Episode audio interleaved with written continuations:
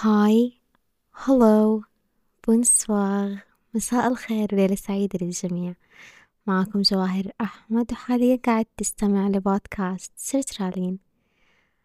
آه، أتمنى تكونوا بخير الآن قبل وبعد كذا وفي كل أيامكم وأوقاتكم.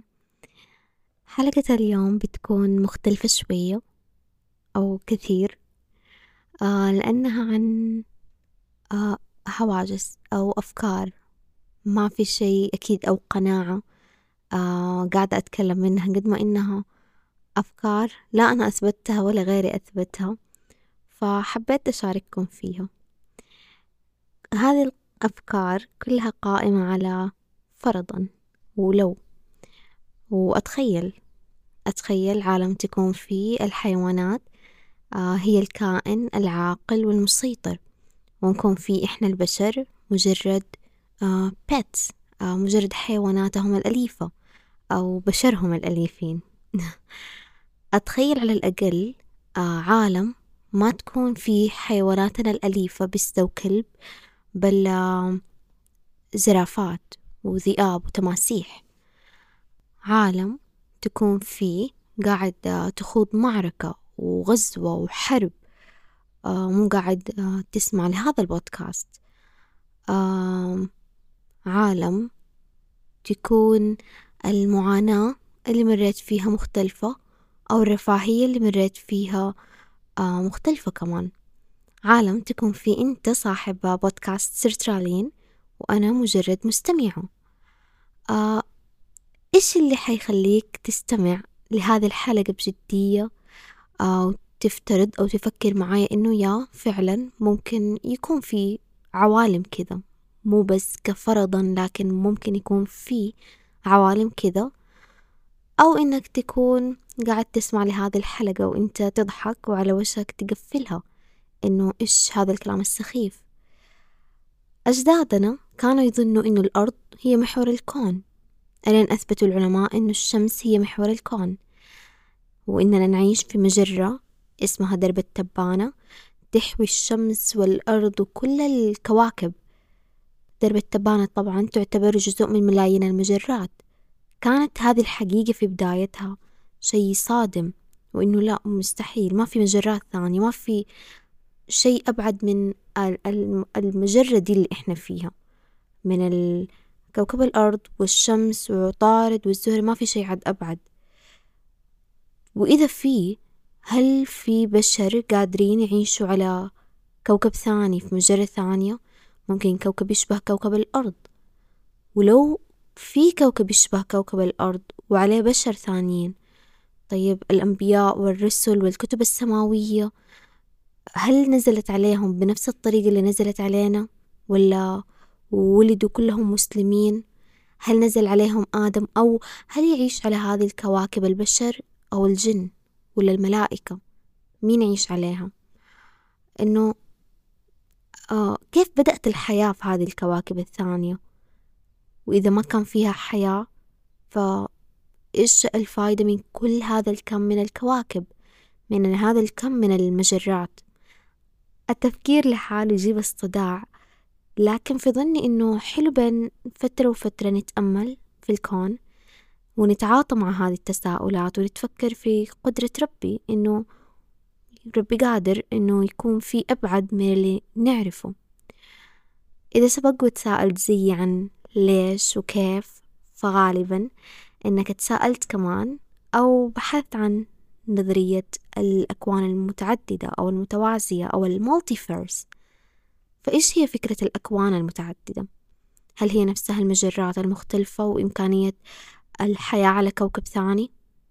ال multiverse أو الأكوان المتعددة عبارة عن مجموعة افتراضية متكونة من عدة أكوان بما فيها الكون الخاص فينا.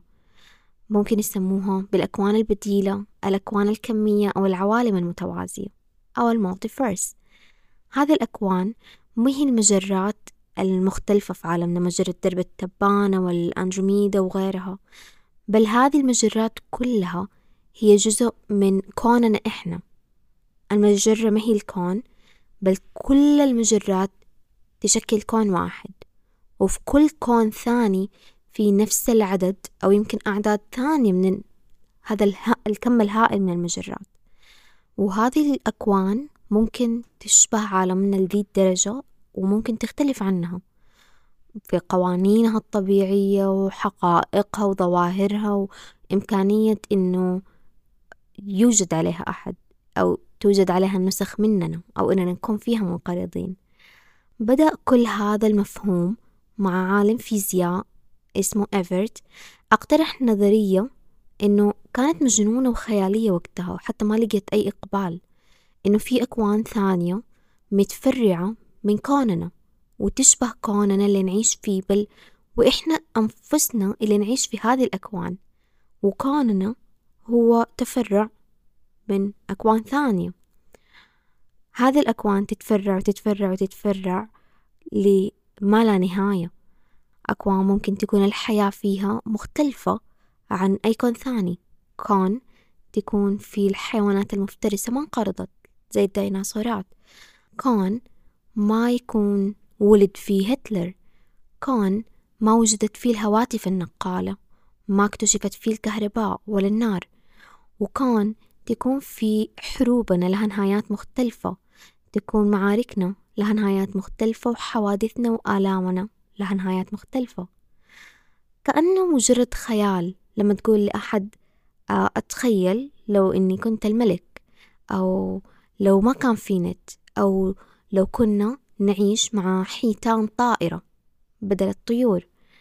فالفكرة كأنه إنه هذه الأكوان تخلق مع أي فرضية أو احتمال إنه هذا الشيء ممكن يصير. هذا الشيء احتماله لو حول الصفر إنه ممكن يصير.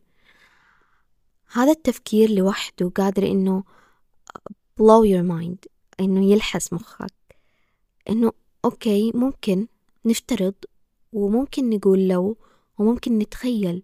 لكن إيش اللي ممكن يخلي آه، شاب دارس الفيزياء ومقبل على مستقبل مشرق يخاطر بمستقبله المهني ويقدم نظرية مجنونة عن الأكوان المتوازية.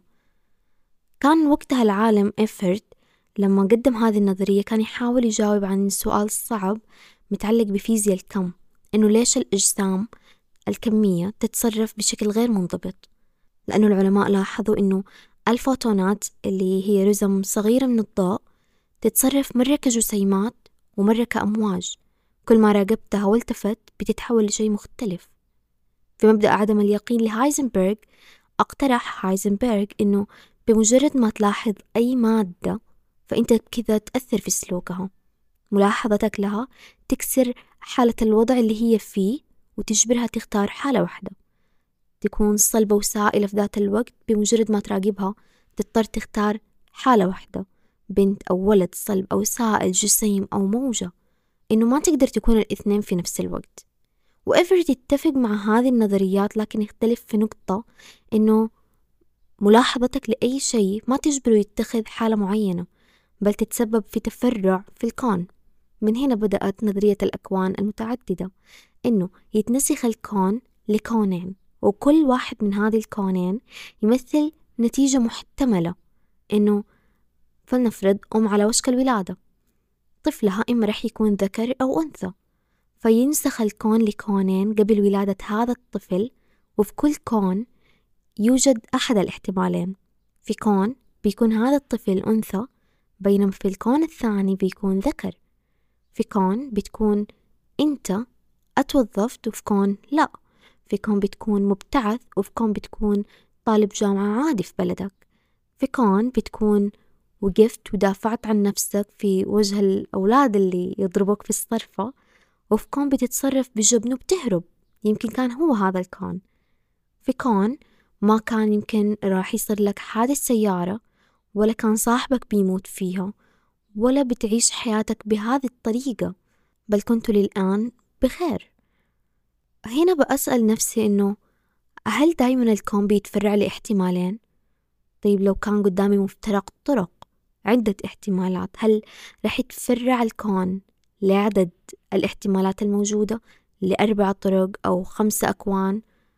آه فلنفترض إنه كان عندك عدة أبواب واحد منها بس آه مخرج والبقية آه، يختلف اللي خلفهم. واحد وراه هاوية وباب وراه أسد وباب وراه بحر وباب وراه نار وهكذا. هل رح يتفرع الكون عشان يلبي كل هذه الاحتمالات؟ ورح يتم تكوين أكوان جديدة لي الحالي وأكوان ثانية لأختي ولصديقاتي اللي كانوا معانا وقت ما اتعرضت علينا هذه الأبواب.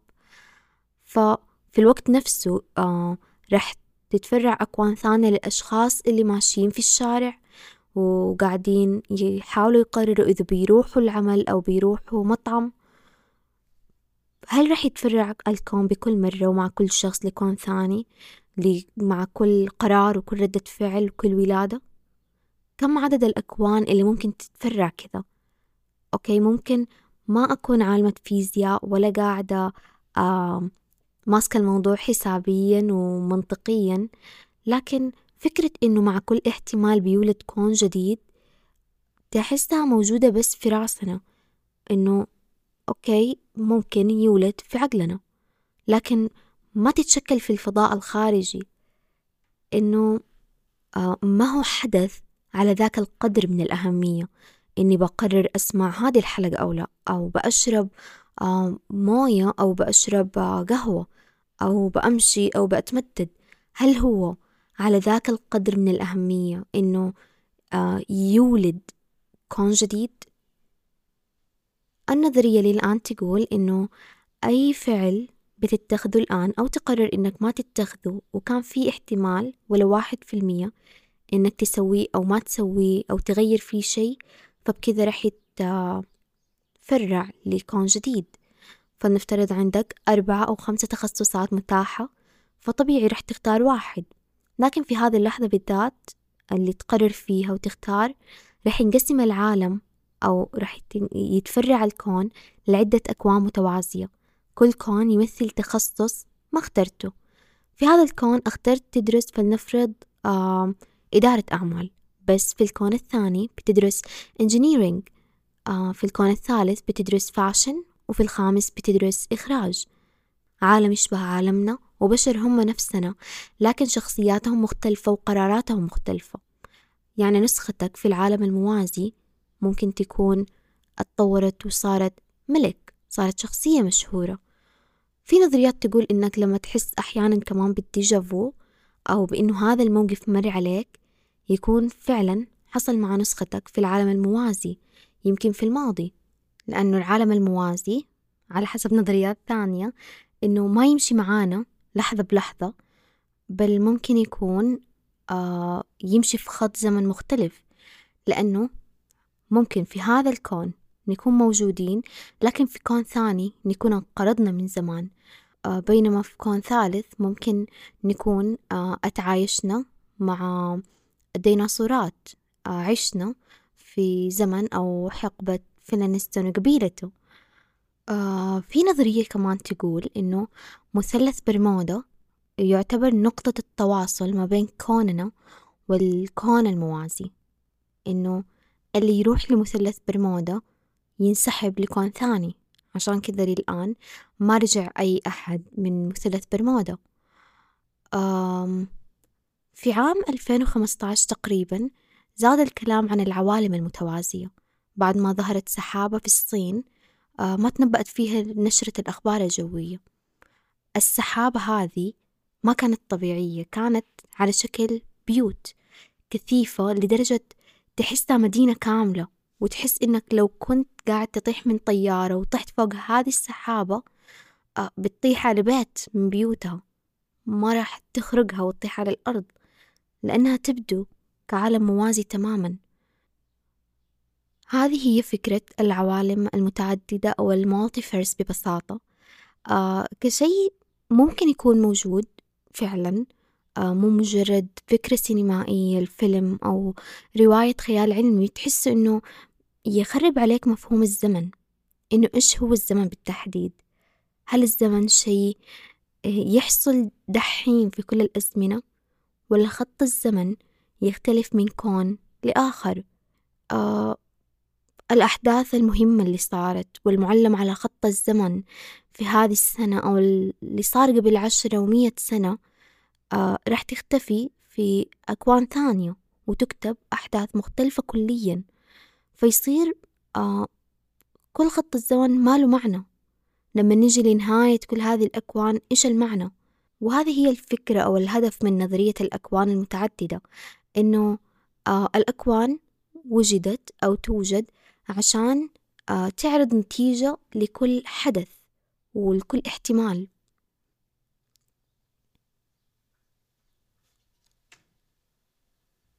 آه إذا كنت موجودة في كون مختلف فهل بيكون عندي نفس الاسم ونفس العيلة؟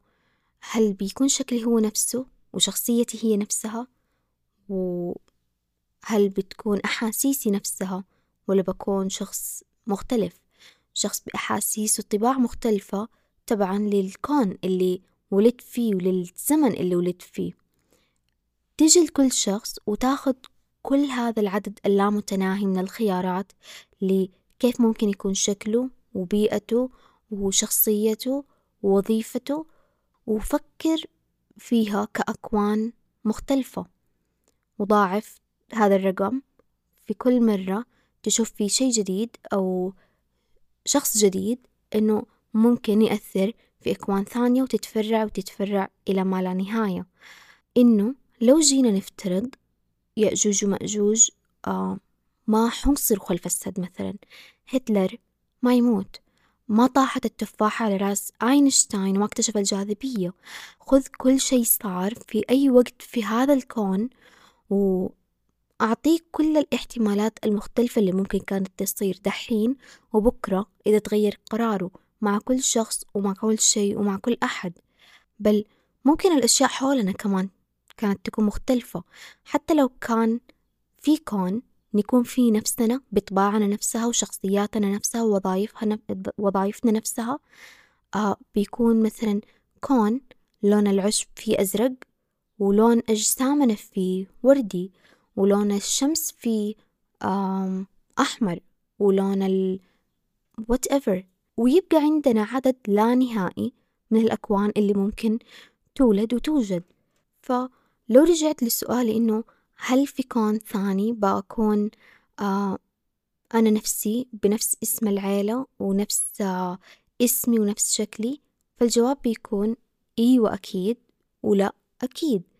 إنه إذا كان كل احتمال لكل شيء رح يكون كون مختلف فعندي عدد لا نهائي من الأكوان رح أكون فيها أنا بنفس اسمي ونفس عائلتي وعدد لا نهائي من الأكوان رح أكون فيها أنا نفسي مع عائلة ثانية وعدد لا نهائي من الأكوان بأكون فيها مع عائلتي لكن باسم ثاني وعدد فيه لا بكون لا باسمي ولا مع عائلتي بس بكون أنا بنفس هذه الشخصية. وعدد لا متناهي من الأكوان ما بيكون عندي عائلة من الأساس. عدد لا متناهي من الأكوان يمكن بكون تربيت على يد الحيوانات في الغابة زي ماوكلي. آه وعدد لا نهائي من الأكوان كمان آه بتختلف في فصيلة الحيوانات اللي رتبتني دببة ديناصورات ثعالب قرود ولا صراصير. إذا حاس إنه الفكرة ثقيلة ففكرة العوالم المتعددة أو المتوازية أو المالتيفيرس تختلف حتى بين المؤيدين لها. مو بس المؤيدين والمعارضين من العلماء لا نفس المؤيدين مختلفين. البعض يقول إنه آه هذه العوالم متصلة والبعض يقول إنها مو متصلة. بعضهم يقولوا إنها مجرد كونين متوازيين البعض يقول سبعة والبعض يقول عدد لا نهائي. لكن في اقتراح تم بين 72 من الفيزيائيين البارزين في عام 1995 أشار إلى أنه 60% تقريبا يعتقدوا أنه نظرية العوالم المتوازية حقيقية. Of course هو لا زال للآن محض تخمين وما حد يقدر يجاوب على سؤال إذا العوالم المتوازية وال multiverse آه موجودة فعلا أو لا؟ ما حد يقدر يجاوب عليها بالبحث العلمي والطرق العلمية لكن نظريا موجودة. هذه الحلقة ماني قاعدة أتكلم فيها عن إيماني بشيء معين أو بنظرية معينة لل multiverses لكن آه قاعدة أتكلم عن أفكاري. اللي لا زالت مست أب وملخبطة. حول فكرة العوالم المتوازية. هي scientifically آه علميا النظرية تقول إنه ما في كون واحد بل عدة أكوان. كل كون فيه أرض زي أرضنا ومجموعة شمسية كاملة لكن بظروف وقوانين مختلفة واحتمالات مختلفة. كل أرض من هذه الأراضي في كل كون موازي فيها شخص يشبهك لكن ظروفه مختلفة. ممكن يكون مزارع بينما أنت مهندس. أو يكون ملياردير بينما أنت على الحديدة ممكن يكون فرنسي أو عايش في أستراليا بينما أنت ما قد خرجت من السعودية. عشان كذا البعض يحس أحيانا بالحنين لمكان معين ما قد زاره. مكان آه، يحس له بالحنين كل ما شاف صورة أو كذا. البعض يربطها إنه ممكن يكون آه، توأمك أو قرينك عايش آه، في عالم موازي في هذا البلد أو توأم روحك على كوكب الأرض هذه موجود في هذا البلد. Of course البعض يربطها بالحيوات السابقة ممكن في حياتك السابقة تكون مولود لكن هذا موضوع ثاني كليا. ف يا البعض إنه ممكن يربطها بإنه آه في الكون الثاني أنت ولدت أصلا في فرنسا مولود في أستراليا أنت شخص أجنبي. فممكن تكون تزوجت البنت اللي كنت تتمناها في ذاك الكون أو يكون أخوك الصغير ما مات.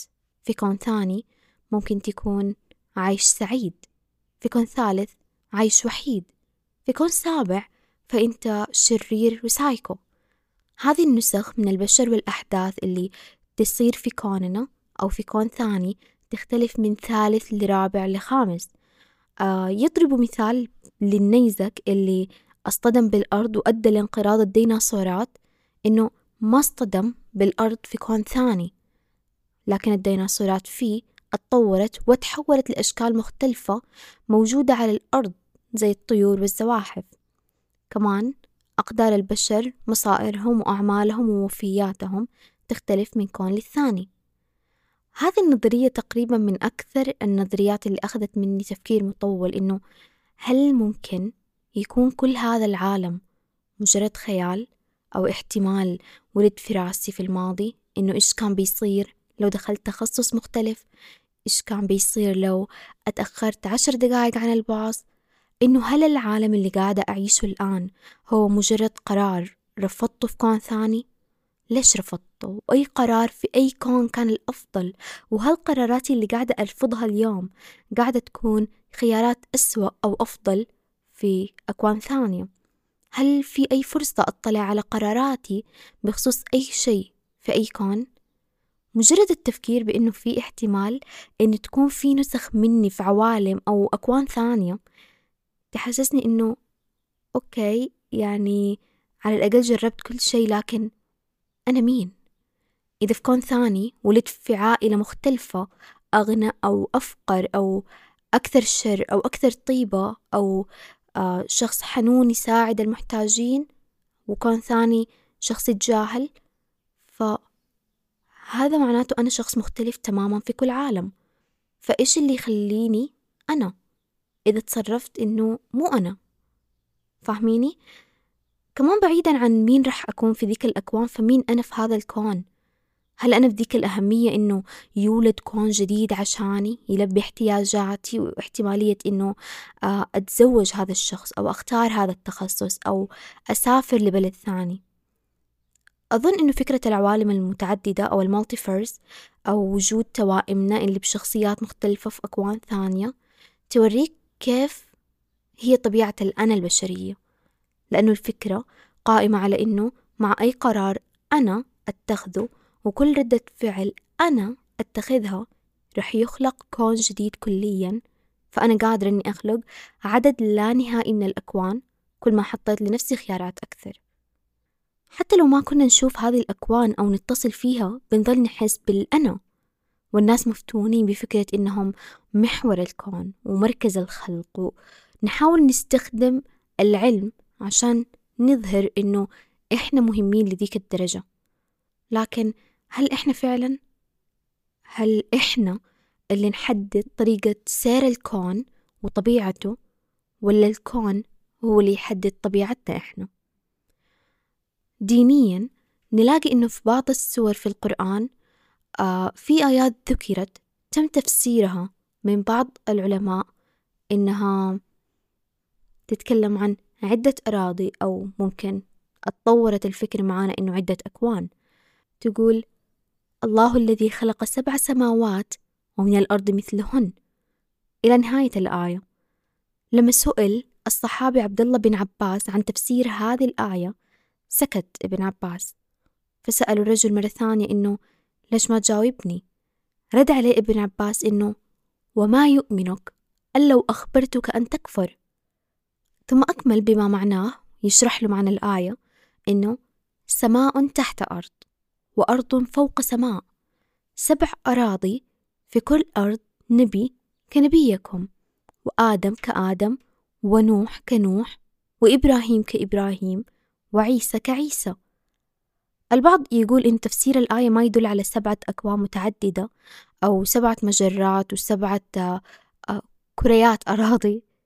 آه لا بل إنه رقم سبعة يدل على الأقاليم اللي تفصلها البحار. وكأنه إشارة للقارات السبعة. آه البعض يقول إنه المقصود بكون الأرض سبعة مثل السماوات إنه نفس الكرة الأرضية هذه الوحدة مكونة من طبقات آه زي البصلة متراكبة هذه الطبقات فوق بعضها البعض. للآن نعرف إنه العلماء منقسمين لنصين أو لستين إلى أربعين بالمية مؤيدين لنظرية الأكوان المتوازية. والعجيب إنه العلماء أثبتوا هذا الموضوع نظريا وحسابيا. فكلامهم صار يتفق مع تفسير عبد الله بن عباس للأراضي السبع لأنه يقول في كل أرض نبي كنبيكم وآدم كآدم ونوح كنوح وإبراهيم كإبراهيم وعيسى كعيسى. ولكن الفرق في تفسير ابن عباس لهذه الآية واللي وصلوا له العلماء الفيزيائيين إنه ابن عباس حصر هذه الأراضي بسبعة تماما زي ما جات في القرآن. لكن العلماء قالوا إنها أكوان متعددة ولا نهائية. فليش سبعة بالذات؟ وليش الآن العلم ما قدر يحصر عدد هذه الأكوان في سبعة؟ وهل سبعة تدل على الأكوان ولا على طبقات الكرة الأرضية اللي تشبه البصلة؟ وفلنفرض إنه الأكوان المتعددة فعلا موجودة. فالسؤال يتعلق بإنه آه ليش العلماء يظنوا بإنه إحنا ذاتنا اللي نعيش في هذه الأكوان لكن بنهايات مختلفة ومو أشخاص غيرنا. إنه لو كان فعلا في multiverses عوالم متعددة وكان في جواهر في كل عالم متوازي ففي كل عالم حيكون في أنا لكن بقرار مختلف ومصير مختلف ويمكن دين مختلف. فهل لو مت راح أتحاسب كمسلمة أو كافرة كشخص مات على حسن خاتمة أو سوء خاتمة. فهل بيكون مني بلايين البلايين من النسخ وكلها تتحاسب على أفعالها وقراراتها ودينها في هذه الأكوان كلها؟ وفي في أكوان ثانية أكون مت وأنا طفلة فأكون طير في الجنة يوم الحساب ولا بأتحاسب كوحدة؟ هذه الفكرة لحالها تخلينا إحنا كمسلمين قبل ما نكون علماء أو أساتذة فيزياء أو مفكرين نحلل الأرقام والجسيمات والفوتونات نستوعب إنه هي نفس وحدة اللي راح تتحاسب. إذا كانت الأكوان الثانية فعلا موجودة فما أظن إنه إحنا اللي بنكون عايشين فيها بل ناس ثانيين وخلق جديد غيرنا. السؤال يظل يطرح نفسه إنه على افتراض الأكوان متعددة فعلا. فليش يظن العلماء إنه نحن اللي نسكن هذه الأكوان؟ حتى لو ما كنا إحنا ذواتنا بل أشخاص ثانيين لما يفترضوا إنها مجرد مجرات وكواكب مهجورة وفاضية. ليش الأشخاص فيها يشبهونا؟ أو بمعنى ثاني هم إحنا لكن بمصاير مختلفة. في كون ثاني لو أمي وأبويا كان مصيرهم مختلف وما تزوجوا رح يكون مصيري أنا مختلف وما أولد. على ذاك الكون من الأساس وهذا ينفي فكرة إني موجودة على الكوكب الثاني. فنفترض إني اتولدت في عيلة غير عيلتي واسم غير اسمي وشخصية غير شخصيتي بس وجهي هو ذاته. فإيش اللي يربطني فيني؟ إيش اللي بقيلي في الكون الثاني؟ هل مجرد الشبه الشكلي؟ يعني الآن أشباهنا الأربعين اللي نقابلهم على كوكب الأرض هذا ممكن نصادفهم بأي مكان. هل هم يعتبروا من العالم الموازي توائمنا لأنهم يشبهونا شكليا. فلنفرض إنه كان لنا نفس الماضي في الكون الثاني نقطة معينة ثم اختلفت بعدها الاحتمالات والقرارات وتغير مستقبلنا بناء عليها. لو وصلت لنقطة معينة زي ما ذكرت واتزوج أبويا وأمي من أشخاص مختلفين وولدت أنا لكن لعائلة مختلفة فقريني أو شبيهي في الكون الثاني ما رح يشبهني. لأنه بتكون شخصيته مختلفة واسمه مختلف وشكله مختلف. فالفكرة تلحس المخ والكل يدلي بدلو ودلوي فاضي من دون أي معادلات فيزيائية أو رياضية لكن مجرد أفكار وأشياء قريتها. يقولك إنه وفقا لنظرية الأكوان المتعددة إذا قدرت تطالع لبعيد بما فيه الكفاية فيمكن تصادف نسخة ثانية من نفسك. أو قرينك وشبيهك في الكون الثاني. إحنا ما نقدر نشوف للآن أبعد من كم مليار سنة ضوئية وبالتلسكوبات والأقمار الصناعية ومع كل هذا مو قادرين نشوف ما خلف الكون. مو قادرين نشوف الكون الثاني أو الثالث أو أبعد من كوننا. في النهاية فإحنا نعرف إنه مو كل شي قادرين نشوفه أو رح نقدر نشوفه وإنه مو شرط لو ما شفت شي يعني مو موجود. لازم نكون دايما حاطين مجال للشك في معتقداتنا حول العالم وحول اللي نعرفه لأننا نعرف معلومة أهم بكثير تكفي إنها تخليك تؤمن بأي شيء سواء الأكوان المتوازية أو غيرها إنه الله قادر وما يعجزه شيء وإنه اللي تعلمناه من وإحنا صغار عن الكون أتعلمناه لأنه الكتب آه كذا قالت والعلماء كذا قالوا ودحين كمان العلماء كذا يقولوا ولو نظريا لكن صارت عندنا قناعة بإنه اللي تعلمناه وفهمناه وإحنا صغار آه هو الصح ما عندنا قابلية نتعلم أكثر أو نحط احتمالات أكثر لأنه لو جيت تسأل العلماء عن العوالم المتوازية إنه آه هل نقدر نروح لهم؟ لا طيب هل نقدر نشوفهم؟ لا طيب هل في أحد شافهم؟ كمان لا طيب ليش أغلبيتكم متأكدين إنه العوالم المتوازية موجودة؟ يبدأ العلماء يشرحوا بالطول والعرض عن الانفجار العظيم والفوتونات والجزيئات ونظرية الأوتار والأكوان كلها وتضيع وما تفهم شيء ولا زلت مو مقتنع إنه هل هي فعلا موجودة أو لا عشان كذا يمكن تم انتقاد نظريات الكون المتعدد إنها مجرد تكهنات أو فلسفة بدلا من علم ولو دحين خرجت للشارع وسألت أي أحد فيه أو سألت أهلك في البيت عن مين فيهم يؤمن بهذه الاحتمالية رح تلاقي الأغلبية يقولوا لك إنها مجرد خيال. صح هي ممكن تكون خيال كمان في مجال للشك إنها تكون حقيقة لكنها للآن نظرية. فما نقدر نؤمن مية بالمية ولا نكذب مية بالمية. هي مو نظرية بل عدة نظريات. الكل له رأي في الموضوع. ومو نظريات حتى بالفرضيات إنه إنه فلنفرض كذا أو مو كذا. طيب هل تؤمن أنت بالعوالم المتوازية؟ ما حد يقدر يجاوب إنه أيوة I believe أو أصدق فيها لأنه الفرضية ما هي شيء تؤمن فيه بل هي شيء تختبره. ولليوم ما تم اختبار فرضيات المالتيفرسز أو الأكوان المتعددة. كل اللي نعرفه ومتأكدين منه إنه الله قادر على كل شيء وإنه مهما بلغنا من العلم فإحنا لسه ما نعرف شيء والكون أكبر بكثير من إنه يكون بس هو اللي نشوفه وهو اللي درسناه وتعلمنا عنه. من وجهة نظري أشوف إنه حتى لو الأكوان المتوازية موجودة لأنه في النهاية ما نقدر نكون متأكدين ألف بالمية من أي شيء فما يفرق. لأنه ما نقدر نتداخل مع هذه العوالم وهذه الأكوان ما نقدر نقفل الكون اللي قاعدة تمشي الحياة فيه بطريقة ما تعجبنا ونشغلها بس ونعيشها بس وننتقل بس للكون اللي يعجبنا. غير كذا فإحنا مو واعيين كفاية ولا شايفين هذه الأكوان. تماما زي لو كان عندك شبيه أو أكثر من شبيه هنا على كوكب الأرض فهل بتأثر حياتهم في حياتك؟ لا لأنه لهم عيلة مختلفة وظروف مختلفة وتفاصيل مختلفة وإنتوا شخصين مختلفين تماما. نتفق إنه حلوة فكرة المالتيفيرسز من بعيد فكرة إنه في عالم ثاني أو في كون ثاني ممكن أكون عايشة في حياة أحسن من كذا أكون في ريتش أكون في آه مع الشخص اللي أحبه ويكون هو كمان يحبني. عالم تكون صورنا على البطايق الشخصية مرتبة وحلوة.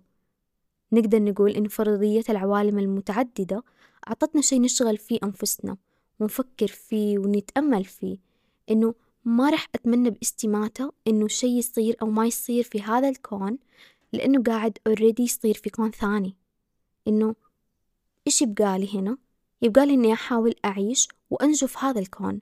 ما رح أنقرض ما رح أيأس ما رح أخسر بسهولة وأنكسر بسهولة وأتدمر بسهولة لأنه كون مختلف وفريد. إذا انهرت في كون ثاني فمو هنا. إذا خسرت في كون ثاني فمو هنا. إذا فقدت شخص أحبه في كون ثاني فللآن أنا أملك هذا الشخص في هذا الكون. بحاول أحبه أكثر وأضمه أكثر وأدلعه أكثر. الموضوع كله راجع لك إذا بتخلي هذا الكون مهم بالنسبة لك وتتخذ فيه خيارات ما تندم عليها وتقدر فيها كل شيء وتحصل على وظيفة أحلامك فيها أو تقدر الوظيفة اللي أنت فيها أو تقدر وقت فراغك أكثر. إنك تدافع عن نفسك وتتخطى الصعاب اللي تمر فيها وتنطلق كل يوم في حياتك لأنه يوم جديد في هذا الكون.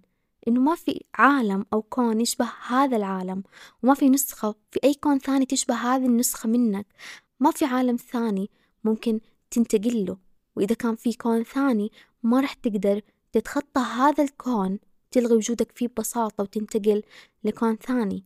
مالك غير اليوم والآن. وهذا الكون وهذا المستقبل اللي حاول تتأمل فيه خير وتعيش حاضره لحظة بلحظة وتخليه the best you can تخليه أفضل شيء تقدر تخليه عليه. هذه كانت حلقة اليوم.